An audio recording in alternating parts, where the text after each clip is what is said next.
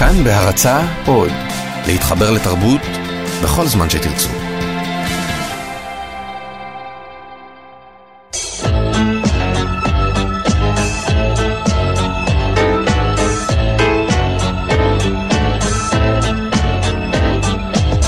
גיבור תרבות הדוקטור דנה לה והדוקטור דוד גורביץ' באולפן עם יונתן גת.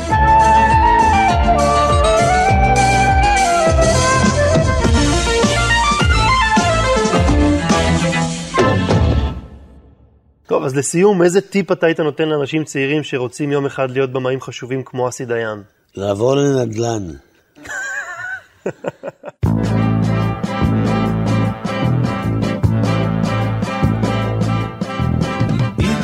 זה היה הטיפ מגיבור התרבות שלנו לתוכנית הזאת, השחקן, הבמאי וגם המשורר אסי דיין, שהלך מאיתנו בשנת 2014.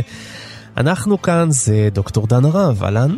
שלום, שלום. ודוקטור דוד גורביץ'. אהלן.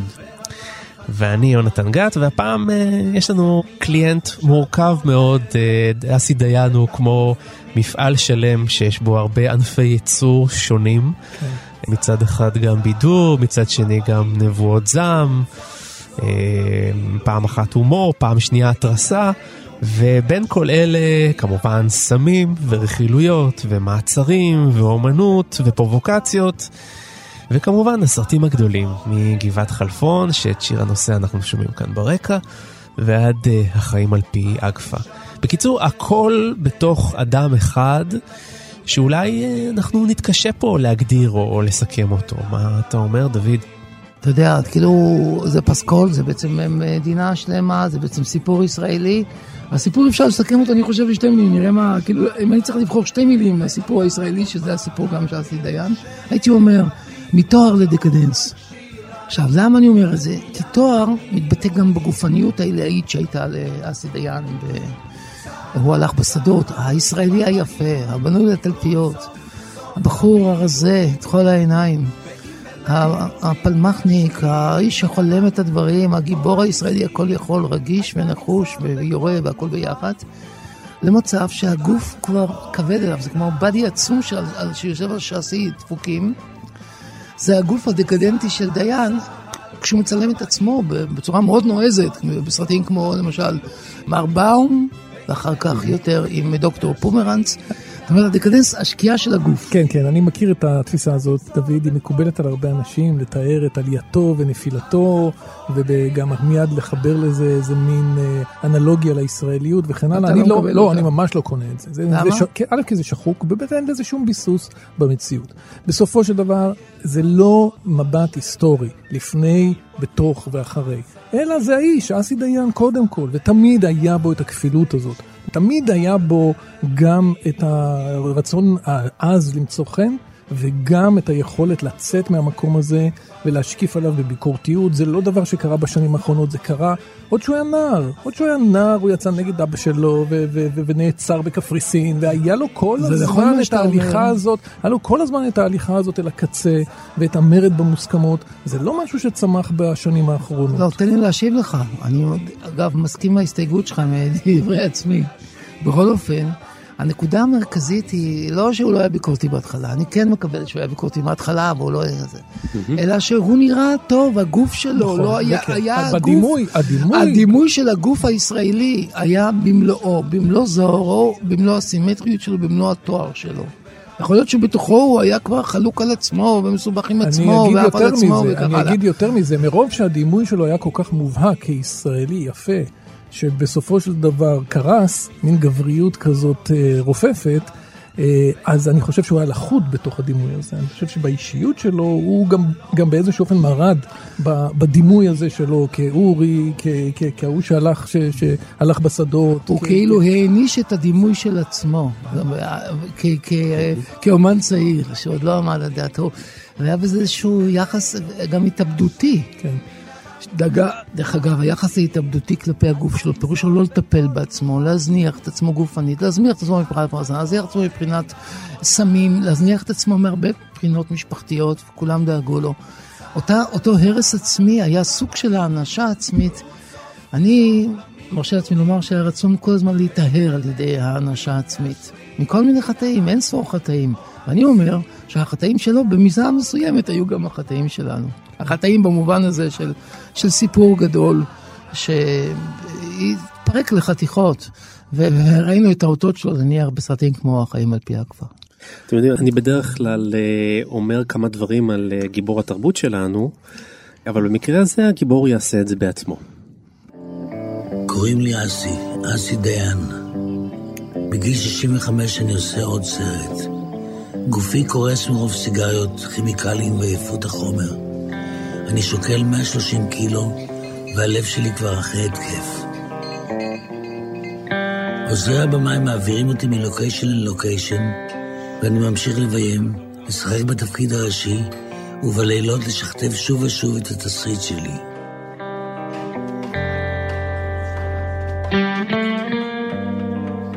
נראה לי שחייתי מספיק בשביל כמה אנשים. הגיע הזמן לסכם, לעשות ספירת מלאי. אז ככה, יש 80 סרטים ששיחקתי בהם, 16 סרטים שכתבתי וביימתי, תשעה אוסקרים, שלושה פרסים של מפעל חיים, וחוץ מזה אלפי כתבות בעיתונים, רומן אחד, שלושה ספרי שירה, שלוש וחצי שנים באשפוזים פסיכיאטריים, שלושה ניסיונות התאבדות, שני מעצרים, שלוש מלחמות, ארבע חתונות, ארבעה ילדים, אבל לפני הכל ולפני אלוהים, אבא אחד עם עין אחת. כן, קודם כל, אומץ גדול בעיניי, שוב, אני אומר את דעתי. אומץ גדול להיחשף ובאמת אה, להתערטל מול קהל שצמא לצהוב וצמא לפרובוקציה. אה, הוא, הוא ידע לספק את החומר הזה.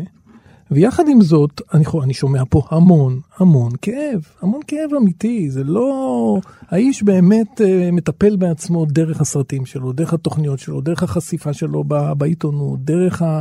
הוא פשוט אומר, הנה, זה אני. אני רואה בזה משהו שיש להעריך. אני לא רואה בזה ירידה לזנות, כמו שרבים אה, אולי חשבו. אפשר לראות את זה באמת בשני הכיוונים האלה, כמחזה ייסורים, או כפרודיה עצמית לא מוצלחת על תרבות הטרש שהוא שותף בה בעצם הווידוי, כי זה מין וידוי טרשי כזה, שמספק לתרבות את המציצנות שלה, אני חושב שיש הבדל, את מ- הפרטים. אני חושב שיש הבדל רגע. מאוד מאוד גדול בין גיבורי ריאליטי, אוקיי, ואנשים שהם לא אני לא מביאים, משווה לא אותו מביאים לשם. איתם שום אנחנו כישרון בכלל לא- ייחודי. אנחנו לא מדברים על רמות כאלה בכלל, עזוב, אנחנו לא מדברים על הזבל. אנחנו מדברים עכשיו על אומנים אמיתיים, על אישיות דגולה, על אחד מיוצרי הקולנוע הגדולים הישראלים. ואף על פי כן אנחנו מנסים להבין, לדעתי עכשיו, לפני שאנחנו מבינים את הקולנוע, שאנחנו מבינים, רוצים להבין אותו, את הבן אדם. נכון. עכשיו, לך יש השקפה ש... שהוא נותן וידוי של אמת. אני אומר, גם זה קיים, וידוי של אמת, כאב אמיתי. ומצד זה, כל הזמן יש בו את השחקן. את השחקן שעושה משחק של כאב, משחק של וידוי, משחק מול מצלמה, אוקיי, משחק מול מצלמה שהוא כל כך מודע לה. במקרה הזה מיקרופון, במקרה הזה voice over בסרט שלו. כן. במקרה הזה בעצם, אבל-. הוא אומר לנו בעצם, שאני יודע שאתם מצפים את הווידוי, ואני אספק לכם את הווידוי. אז מצד אחד אני מכאיב לעצמי כדי לספק את תאוותכם כהמון, ומצד שני, רגע, רגע, אני משתמש בעצם בצמא שלכם כדי לפרסם את עצמי, כדי למכור את עצמי, כדי נכון. לשווק את עצמי. אז יש פה גם שיווק וגם כאב, ושני הדברים נמצאים. אבל אין- באותה אין- עטיפה.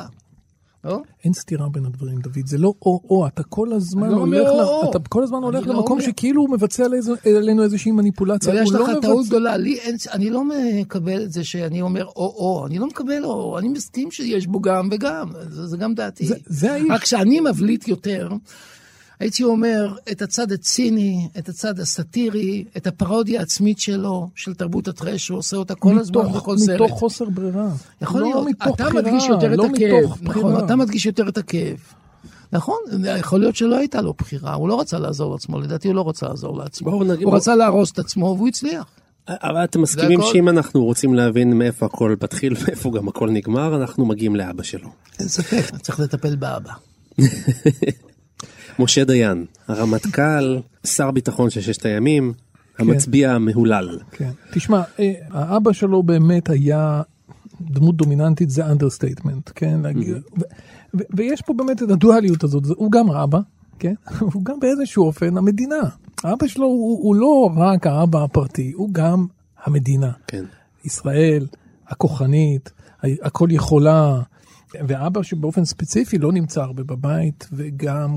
יותר מזה, לא נמצא בבית ונמצא במקום מסוים שהוא הולך ליפו, שם יש שקם, שם יש גברת אחת נחמדה שמבקר אותה ומביא לה ארגזים שלמים של תותים, וזאת לא אימא של, של אה. אסי דיין.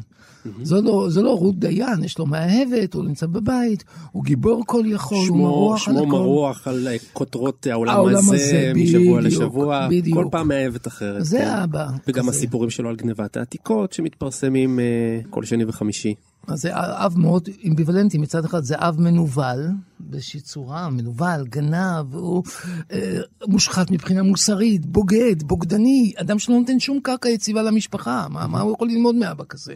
על יציבות, על חיים, על, על, על, על אמת. כי הרי אבא נתפס ממנו כשקרן גדול, שמנצל את העוצמה שלו כדי למכור איזשהו חלום ציני לישראלים וגם למשפחה שלו עצמו.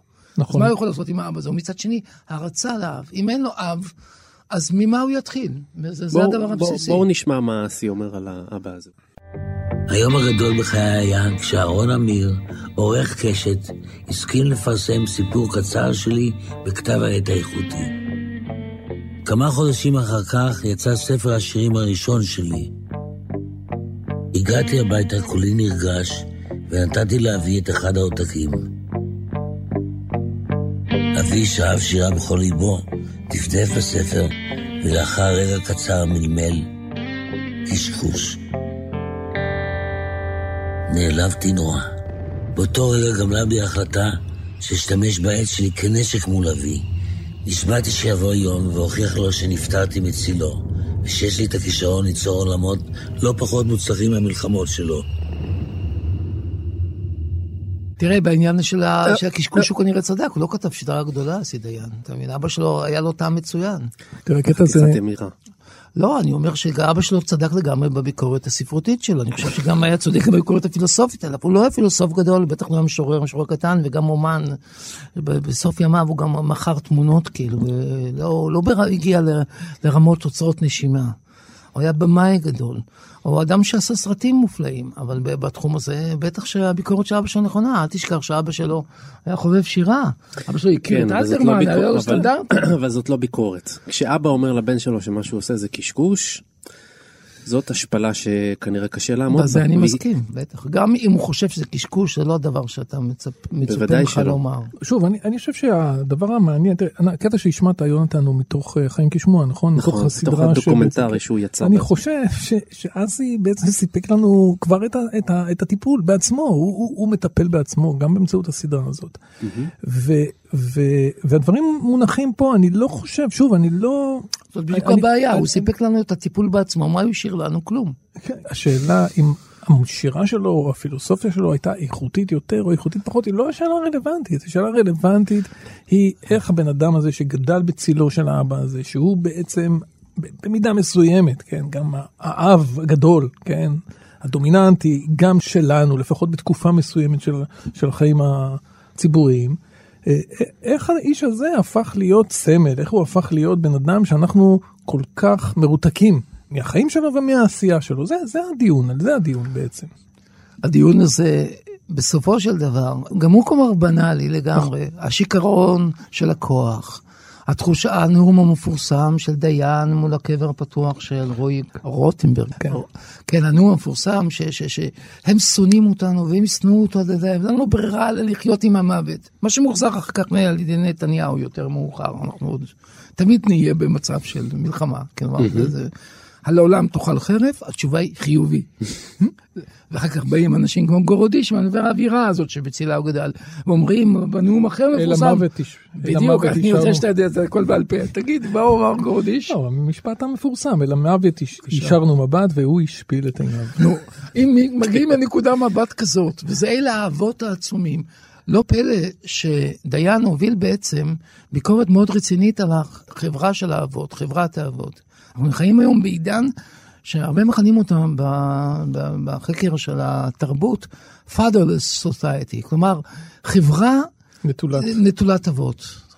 שמה זה ללא מוביל? אבות. שלמה זה כלומר, מוביל? זה ללא מוביל ביטחון. שהמצפן הפנימי, המצפן הפנימי נכון. מתקלקל. הוא לא- הוא לא בדיוק טוב. המצפן, המצפון הקולק, הקולקטיבי, כלומר האני העליון, המוסר, כל מצד זה לא אחד זה קיים. הביא לו דחפים מאוד גדולים ותשוקה בדיוק. מאוד גדולה ליצור איזשהו סוג של תיקון, מצד בדיוק, שני הוא בדיוק. סוג של טעה בדרך, הוא התבלבל בדיוק, בדרך. כי, כי מה שקרה, כשאין לך את האני העליון שאבא מייצג, כי האני הזה הוא מושחת, או ציני, או אותה רובד של, של פרנויה וטירוף, והוא לא רוצה להזדהות איתו.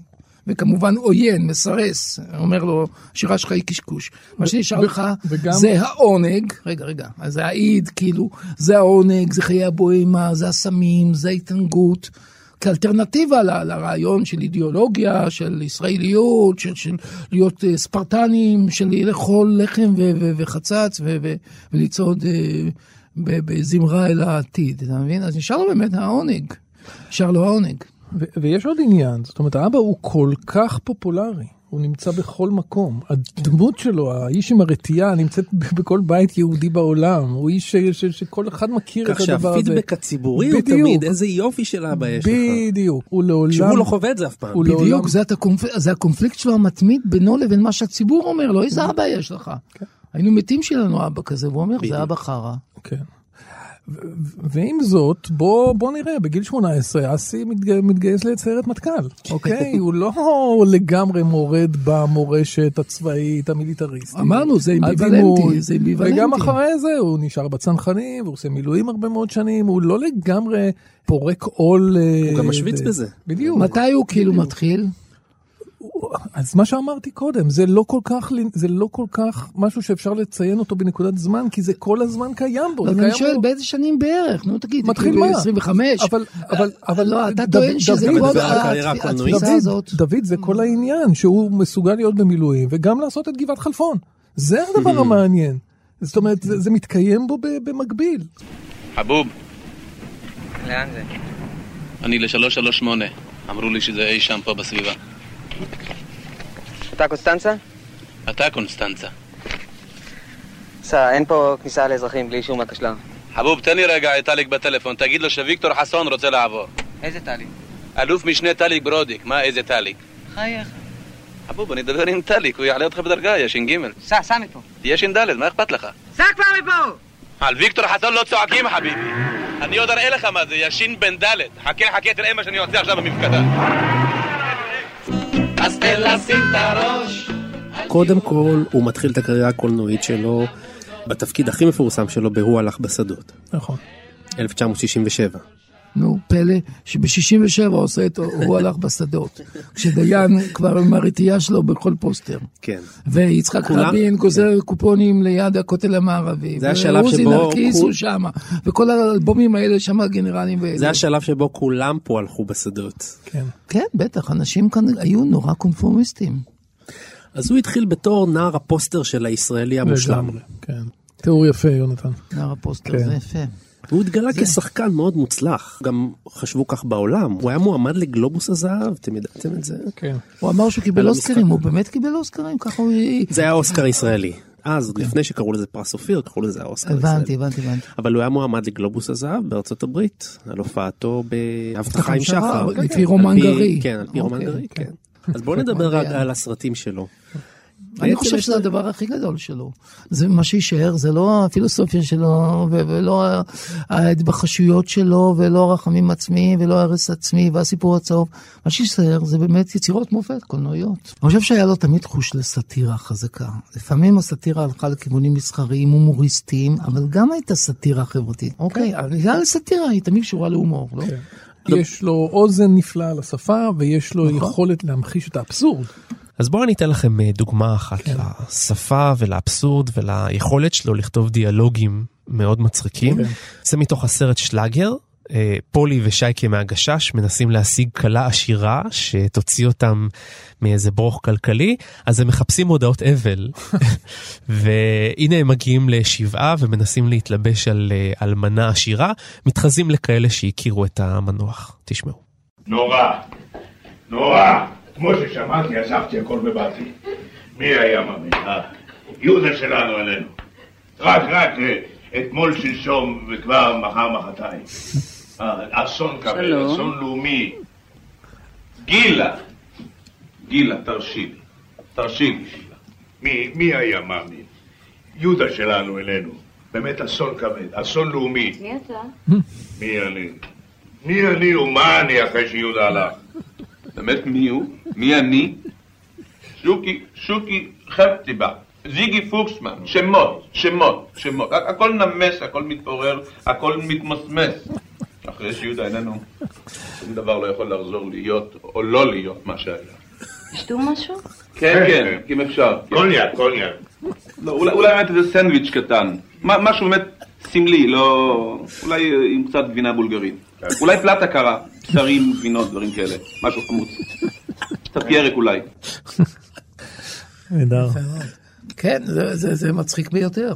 כל הרעיון הזה של אה, לדעת את הקלישאות האלה של הישראליות גם. כי זה מאוד בולט גם בטקסט, הזה, חוץ מהעניין ההומוריסטי פה. כאילו, מדברים כל העסקנים האלה, כל הטפילים האלה, כל האוכלי חינם האלה שאנחנו מכירים אותם, כל הגובים האלה למיניהם, כל המאכרים למיניהם, כל יושבי הצווארון הכחול מאחורי סרוג הבריח של הימים שישבו. הם שם נמצאים כבר אצל אותו חפציבה, נכון? איך קוראים לו? חפציבה, ברוך חפציבה או משהו כזה. שוקי חפציבה. שופצי, חפציבה, מי אני ומה אני, כמו שהוא אומר. כלומר, כל המליצה הציונית המגוחכת נמצאת, זה מה שאני רוצה להגיד.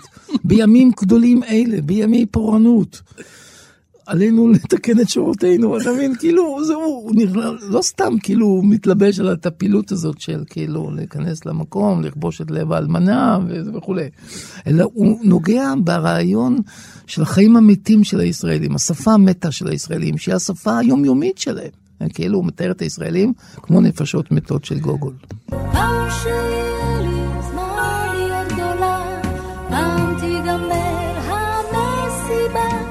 בסוף שיכון קטן,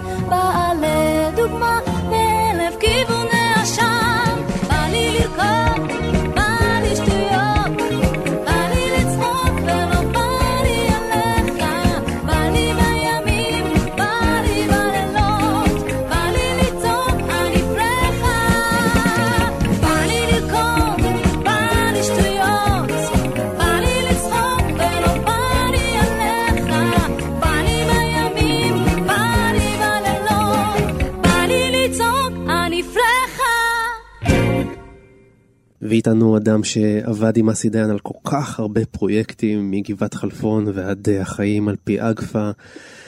נפתלי אלתר, שלום לך. שלום לכם. נפתלי, אתה יכול לתאר לנו איך נראית שעת עבודה על תסריט עם אסי דיין? אה, יש, אה, בעבודה על תסריט עם אסי דיין, יש פחות כתיבה, יש הרבה שיחות והרבה דיבורים והרבה סיפורים, בעיקר הרבה נסיעות ברחבי הארץ, ותוך כדי הנסיעות שהיו גם סוג של גירוי מבחינת אה, לוקיישנים. בגלל הצניעות שבה עשינו את הסרטים, האפשרות אה, ליהנות מלוקיישן מיוחד אה, הייתה דרך טובה לקדם, לעשות סרט יותר מעניין. אז היינו נוסעים לחפש לוקיישנים, ובתוך כך גם מחפשים את הרעיונות לסיפור, והכל היה קורה תוך כדי נסיעה, ואני מוכרח לומר, בהנאה צרופה של שנינו, כי, כי היינו חברים טובים, ומעבר לעבודה שעשינו ביחד, גם אהבנו אחד את השני, אז בכלל זה היה מין טוטל. אבל הכתיבה הזאת, זה- זאת אומרת, הכל מתחיל ברעיונות תוך כדי טיולים. נכון. ואחר כך, מה קורה? הוא מנחית עליך לשבת ולהקליד? לא, דווקא את הקלדות אסי עשה.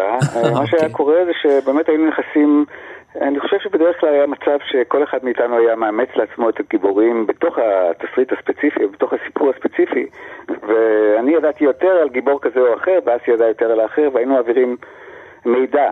אה, אה, זאת אומרת, אה, כל אחד היה מייצג כאילו דמות כזאת או אחרת, וגם מדבר בשמה, מה היא הייתה פועלת ואיך היא הייתה עושה.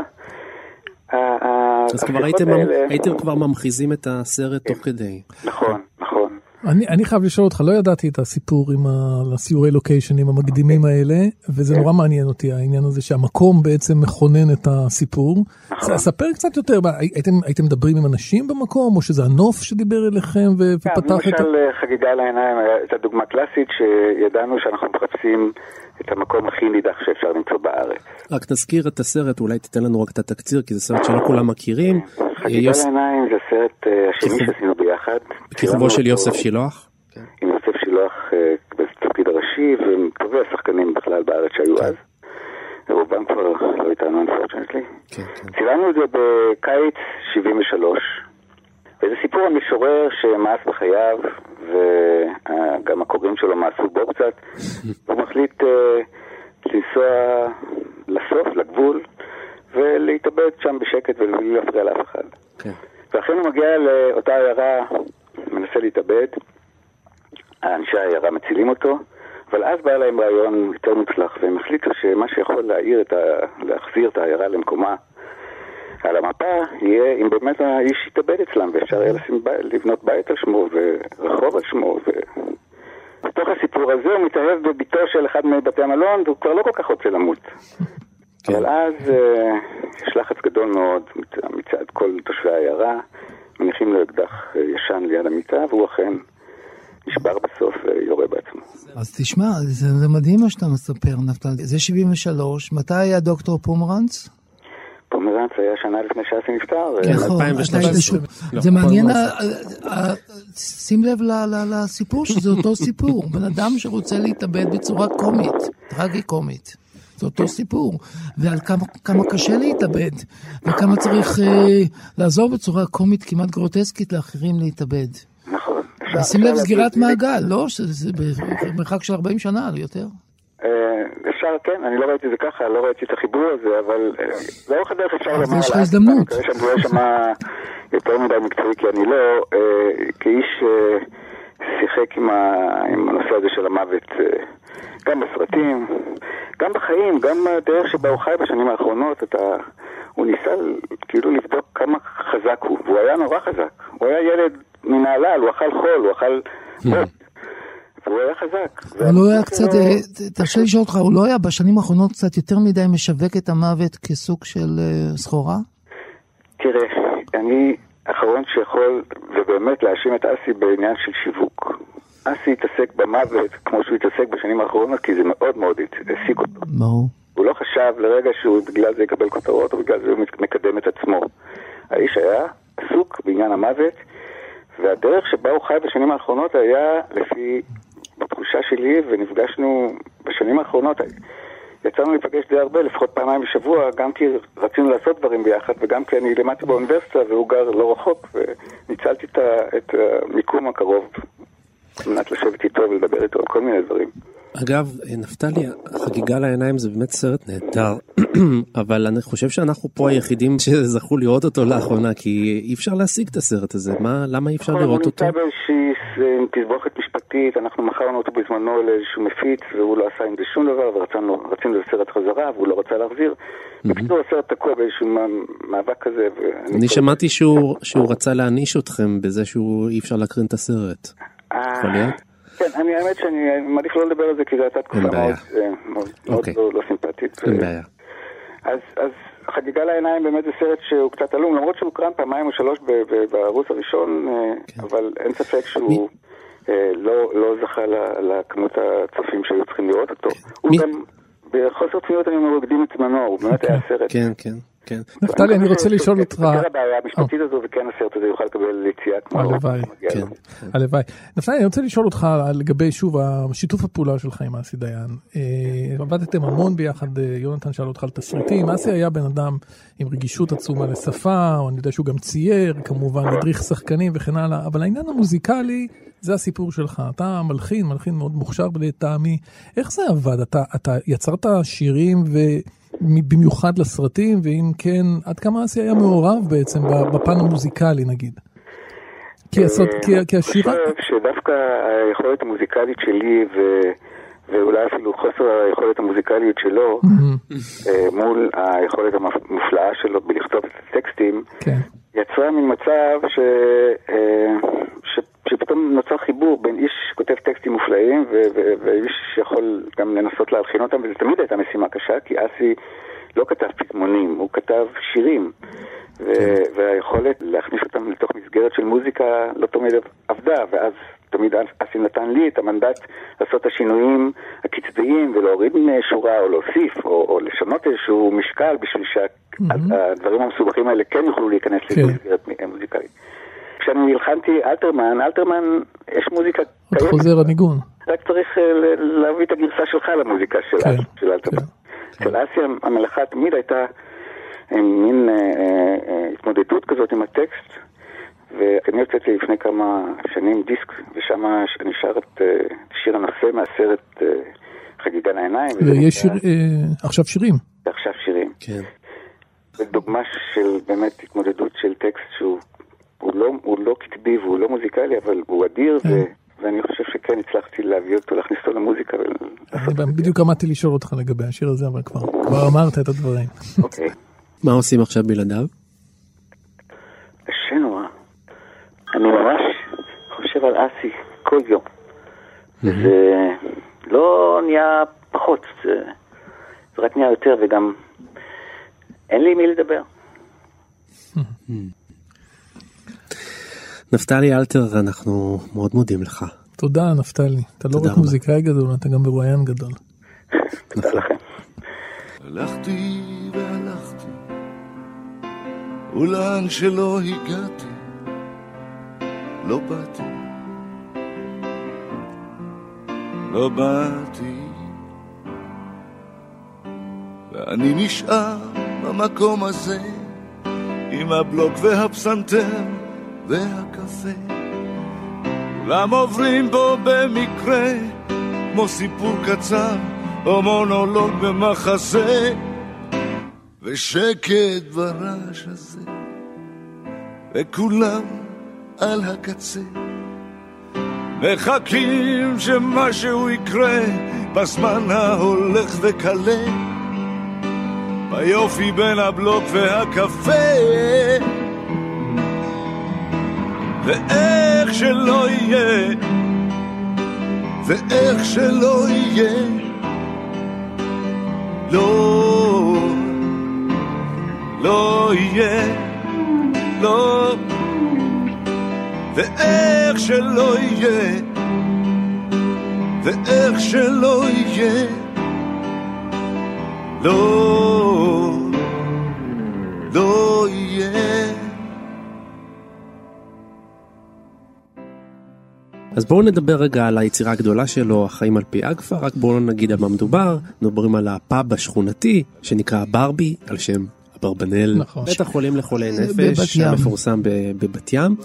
ושם מגיעים אנשים, מגיעים, משתכרים, מתחילים בחורות, מתחילים יותר יפה, פחות יפה, ובעצם חיילים מגיעים לשם, ערבים מגיעים לשם, סוחרי סמים מגיעים לשם, עבריינים. כל האחרים של החברה הישראלית, גם האחרים הפנימיים, גם האחרים כאילו שמחוץ ה- כאילו כל מי שהוא לא נורמטיבי מגיע לשם.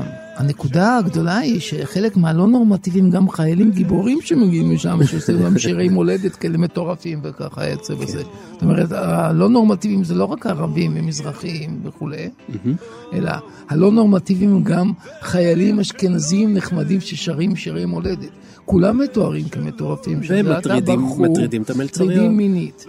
עכשיו, גם כוחות הביטחון, שמייצג אותם לימים מי שהפך לזמר, נכון? זמר ושחקן, שולי רנט, שהיה אז בתקופה רנט, החילונית שלו, הוא גם מטרידן מהשב"כ, כזה שבעצם גורם לבחורה שהיא ממש אוהבת אותו להתאבד. זה לא מקום אה, שמח. מקום. דיכאוני. זה מקום שמתרכזת בו המון בדידות. זה המון אנשים, אבל כל אחד מהם הוא בודד מסוגו. אני חושב שזה, אתה יודע, אי אפשר להימנע מהקלישה הזאת, מיקרו-קוסמוס של החברה הישראלית. המון אחרים, כמו שדוד אמר, אבל כולם, כל אחד בתוך הטרגדיה שלו, בתוך הסבל שלו, בתוך. כמו שאמרתי, מקום לא אופטימי. אז למה זה בישראל ספר- של למה זה- 92, אה, שזה עוד, אתה יודע, רבין, אנחנו עוד בתקופה של תקווה גדולה, אנחנו בתוק, ב, ב, ב, בתחושה שאולי יהיה פה שלום, אולי יהיה טוב, אולי נחיה תחת הגפן והתאנה. אה, היום אנחנו מסתכלים על זה ואומרים, בואנה, הוא אפילו, אולי לא הרחיק מספיק רעות בחזון הדיסטופי הזה. ולמה זה דיסטופי? כי בסופו של דבר אנחנו נקלקל קצת את הסוף, אבל אי אפשר לקלקל סרט שנעשה לפני 25 שנה וגם אה, הוא לא מאוד ליניארי. זה ברור למה הוא ה- הוא כל הסיום- כך פסימי. הסיום- הכל מתפוצץ בפנים. בסיום, בסיומו של דבר כולם יורים בכולם, כולם הורגים את כולם בתוך הפאב הזה, פשוט טבח. זה בדיוק ההפך ממה שקורה במערבון. במערבון הטובים מתמודדים קרב אחרון נגד הרעים, ובסוף, ברגע האחרון הם מנצחים. כלומר, סוף הצדק, סוף היופי, סוף המוסר לנצח. פה אנחנו לא יודעים מי הטובים, מי הרעים, מי הקורבן, מי הרוצח, מי ה... האם המזרחיים הם, הם הטובים? לא בטוח. האם אשכנזים טובים? עוד יותר לא בטוח. האם החיילים הלאומניים, מורלי הקרב ושירי המולדת הם הטובים? לא בטוח. האם הערבים עם החומוס שהם קורבנות? כנראה שהם כן קורבנות וקולם לא נשמע. האם בעלת הפאב היא הקורבן? כי היא חיה חיים, גיל אלמגור חיה חיים כאלה עלובים, ומחפשת גברים ככה שנמצאים בלילה בשביל לסגור איתם את הלילה עם ה... יש לה איזשהו מאהב מהאו"ם שהיא מחפשת כל פעם ש... לבלות איתו לילה, לצאת מהבדידות והיא בוגדת בהכל. אנשים שחיים את הלילה, כי אין להם את היום. אנשים סהרוריים. האווירה היא של נוקטורנלית כזאת, של לילה, נוקטורנו. ובנוקטורנו הזה זה יוצא לכל השיגעון, זה כמו בסיפורים של אדגר אלן פה, כל, כל המטורפים, כל האיכסים, הכל יוצא בלילה. לא קורה שם שום דבר, ובאמת לא פותחים פאב בבוקר, פותחים אותו כשהחושך מתחיל לרדת על תל אביב. ולכן הוא מסיים את הסרט בעליית האור. באור הצבע החדש. נכנס לסרט. הצבע נכנס בצבע, לסרט, כן. אבל אור, סיומו של הלילה זה אור, והאור, וכאן זאת נקודה חשובה, הוא צבעוני. עכשיו זה מוביל אותנו למה ששאלת קודם, ואני חושב שלא נתתי את התשובה לזה, לא נתנו את התשובה על זה. מה מהפכני בזה? זה לא רק זה, המיקרוקוסמוס, זה הקלישאה. המהפכנות היא לדעתי מקום אחר לגמרי. הנקודה היא, הרעיון שזה צבע וזה קולנוע על פי אקווה. כלומר, זה התייחסות של המדיום לעצמו, זו התייחסות רפלקטיבית לקולנוע. והרי לאורך כל הסרט, הצלמת מצלמת, עושה סנפשוט כל הזמן של האירועים. כל הזמן האירועים מתו- מתועדים, ובסוף הם תלויים אצלה ככה על, על, על עטבים כאלה, מתייבשים כביסה, האלה, כן. חבל כביסה כזה. המצלמה מדברת אודות עצמה, החיים כדרמה קולנועית, החיים כקונפליקט קולנועי, החיים הם כאילו הכי אמיתיים בעולם, כי הם פורסים את כל הקונפליקטים של המדינה, והם מצד שני הכי מדומיינים בעולם, כי זה הקונפליקטים של הקולנוע, בעולם לגמרי מדומיין. עכשיו זה מעניין מאוד, אני חושב, חדש, כאילו. רק נגיד למאזיננו ש- ב-1992. שאגפה זו הייתה חברה, כבר לא קיימת לדעתי, כן, נכון. חברה שמכרה מוצרי צילום, וביניהם הפילים, שהיום כבר לא קיים כמעט, אה, אה, קיים בקרב צלמים אה, לא פעם מסוימים. כאילו זה היה אבל סוג של מותג. זה היה נכון? סוג של היה מותג של צילום. והיה מה היה קודק, שם? ברור. על פי סרט הצילום. כן. אז הכל מצולם, גם הסרט עצמו הוא מקופצ'ר מדי פעם, נהיה פאוז, פלאש של צילום, והפריים שאנחנו רואים אותו נעצר. מדי פעם, בדיוק שניות. ככה, בדיוק כמו שאתה מתאר את זה, הסרט נעצר, וצ'אק הוא מתחיל לרוץ, ושוב הוא נעצר, כמו שאתה snap נעצר, ועוצר, ועוצר כן. לך רגע את התנועה של הסרט. ואז הוא, הוא בעצם אומר לך, רגע, אל תלך שולל אחרי כל, זה לא מיקרוקוסמוס של החברה הישראלית, זה קולנוע. עיוני, זה קולנוע. עכשיו, שני, שתי הפעולות עובדות ביחד אחת נגד השנייה, זה כבר גאונות. ערב רב, אני צ'רניאק, שמריח את הזיעה שלכם יחד עם הצפיפות וכל חיכוך האגו בטריפ, כשאתם רצים לאורך הרכוש עד שהתחת שלכם מזיע מרוב תיווך. ואני שומע את כל המסחר והשמועה, הבורסה והקנאה, היד והשנייה, ורואה את הנשים הקטנות שלכם ששוחות בים האיפור אחרי שמזמזו את, ה, את ה microwave והמדיח ופינטזו שאיזה חייל קרבי יכבוש אותם באיגוף מאחור והם ירגישו את ריח המדים והקנה וריח המולדת הגדולה, השזופה, העטופה בתכריכים ודגל המדינה, שהיא מריחה את הפרחים מלמטה. אני רוצה להקריא לכם אה, טקסט אה, שהציבור לא כל כך מכיר. זה אימייל שאסי דיין שלח לבנו, ליאור דיין. קיבלתי את המייל הזה באדיבות אה, שניהם. שימו לב מה אסי דיין כותב לבן שלו באימייל. מתוך, זה בנובמבר 2009. ליאורי, בין געגועים לגעגוע, נוברטיס רוכשים את מפעל חיי הצנוע.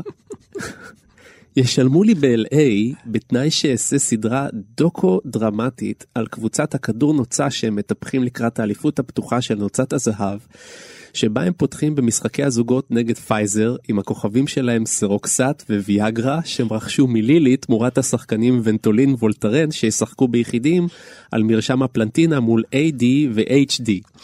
ישראל תופיע עם אופטלגין ומלוקס משדרות השקיעה של טבע שרכשה מתוך שחקני הספסל של האלופה מהקריות שלקחה את אליפות הסניפומט כשניצחו את גרנט וחגיגת. אבל הכדור נוצה הוא עגול והטבלה לא מעשנת והמאמן שלהם אלדד זיו שומר את ההרכב בחזה. וחוץ מזה אני שולח לך את המבוא ואת הפיילוט שהולך להצטלם עבור הוט בזמן הקרוב. אז בוא תטוס אליי כי העובדה טוענת שבעצם אין לנו לאן ללכת. יאללה בוא ויאללה וואקבר בסוגריים בלם אחורי בסכנין נשיקות אבא. דרך אגב, השורה האחרונה, שוב, זה ציטטה, דוד שוב. דוד אבידן, כמובן, אבל זה פשוט מבריק. תראה, הוא כותב את זה כביכול כמייל, כלומר כמכתב אישי לבן, אבל כן. הוא לא מסוגל להוציא מידיו משהו שהוא פחות מאומנות. הנה, במייל הוא עושה אומנות. כן. אבל אם אתה תקרא את זה כשיר, אז זה לא יעמוד. אבל המייל הוא ז'אנר הרבה יותר מעניין. אם אתה אומר מייל, וככה הוא כותב במייל, זה נפלא. קצת, זה קצת שמרנות מצידך, תן לי לומר לך. פתאום? כי, כי, כי, כי, אז מה זה חשוב עכשיו איך קוראים לזה? כן? אבל רגע קוראים לזה אחד. שיר, אז זה, לא, אבל אם קוראים לזה מייל זה כן. תראה. עזוב, אתה, קצת, אה, אתה לימדת אותנו למתן את העניין הזה של הגדרות, להיות חשדניים כלפי הגדרות ומבני כוח כאלה שקובעים מה נכון ומה לא נכון, מה לא נחשב שיר יכול, ומה לא יכול, נחשב להיות, שיר. יכול, יכול להיות שזה שיר או לא שיר, בכל אופן, אני בכל מקרה, בשני המקרים הסכמתי שזה טקסט מאוד מבריק. כן, נכון, זה אמרת. אני לא אמרתי שהטקסט כן. הוא לא שווה כלום, נכון. זה קשקוש.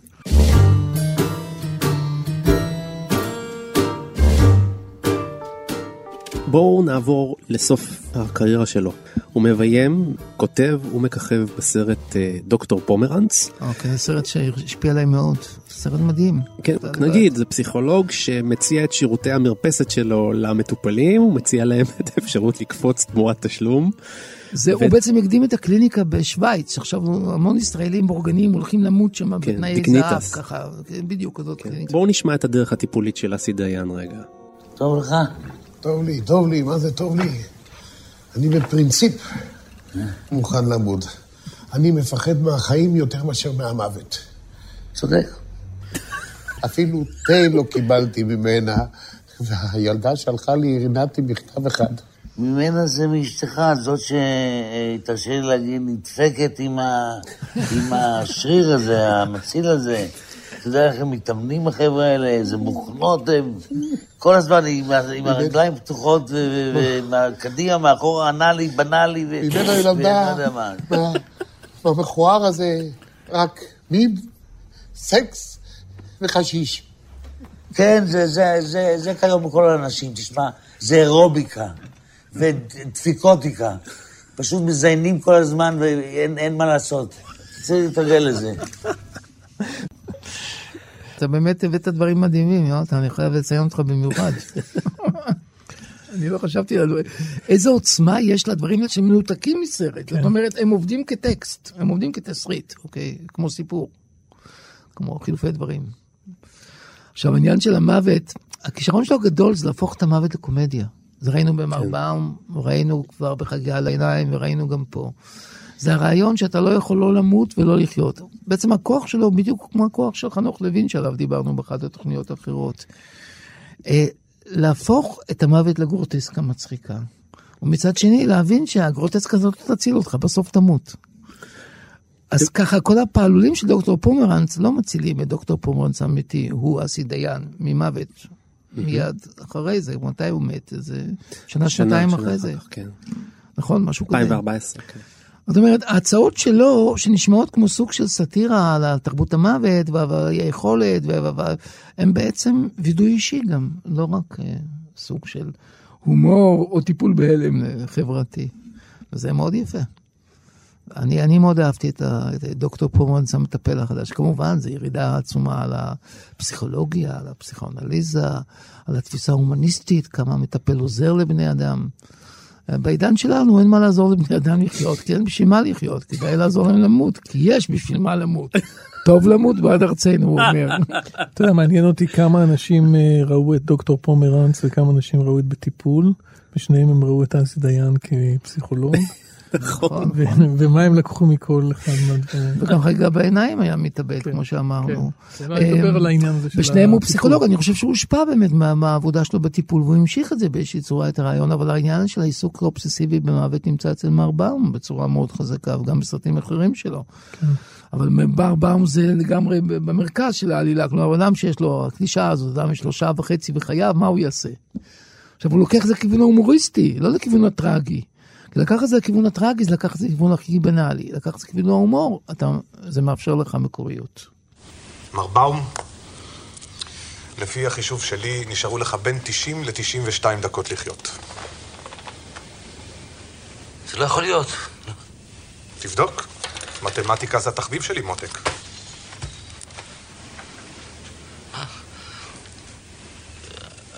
אפילו בסרטים זה לוקח חצי שנה, שנה, ו- זאת אומרת 92 דקות? אה, גם בסרטים זה נגמר בשעה וחצי. אז אולי- אולי שאני אקפוץ אה, לחדר מיון. מפה, עם הפקקים והכל, 30 דקות. ועד לתור עם הקבלה, עוד 20. ואם אני מדייק, יישארו לך 40 דקות. ואם אתה לוקח בחשבון את התור לקפה בקפיטריה עם העיתון והכל, זה יוצא בסוף השבעה. מר באום, הרפואה סיימה את תפקידה בחייך. ועכשיו שירים. עכשיו שירים. מלוא נימפות מלוא תזמורת. ועכשיו שירים עכשיו שירים. משורר נוטה לקפוץ מגובה של בתים אל נומך של קשיים. נוטה. משורר שלא קופץ עושים לו חנוכת רגליים ועוטפים לו בתחבושות אלסטיות טוב, אנחנו מתקרבים לסיום, ואנחנו כרגיל אה, ממליצים לכם להעמיק עוד בגיבור התרבות שלנו. עם אסי דיין זה פשוט אי אפשר לדעת מאיפה להתחיל ואיפה לסיים. אני אמליץ לכם לראות את החיים כשמועה, הדוקומנטרי המצוין, מיני סדרה דוקומנטרית שאסי דיין יצר בעצמו, ממש בסוף חייו, אני חושב, אני חושב שזה היה ב-2013, כשנה לפני מותו. מאוד חשוף, מאוד כן.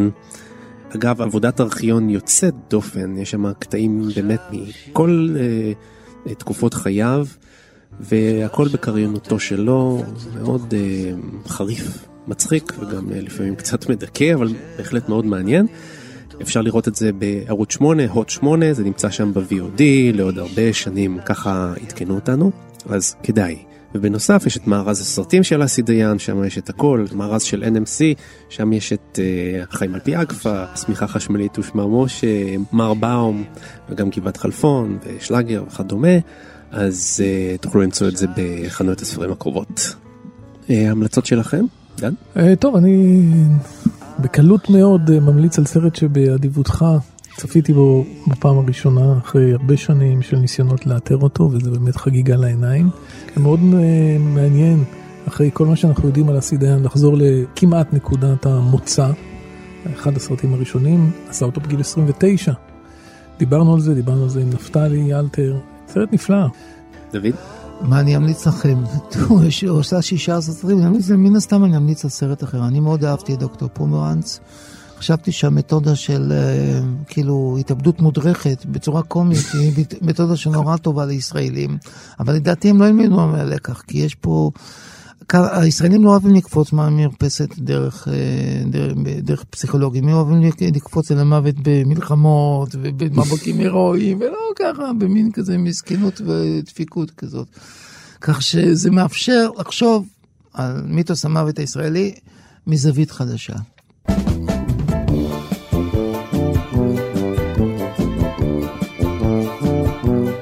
סיימנו. אתם מוזמנים לשמוע את כל התוכניות שלנו בעמוד הפודקאסטים בתוך אתר uh, תאגיד השידור הציבורי.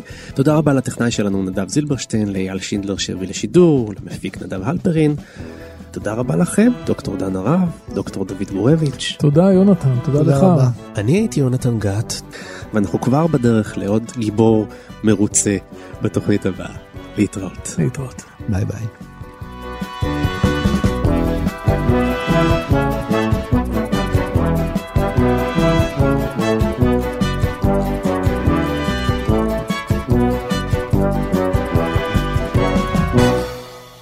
אתה צריך להבין, ולאדה, כבר מישהו חכם אמר, חיים מחלה עם 100% תמותה.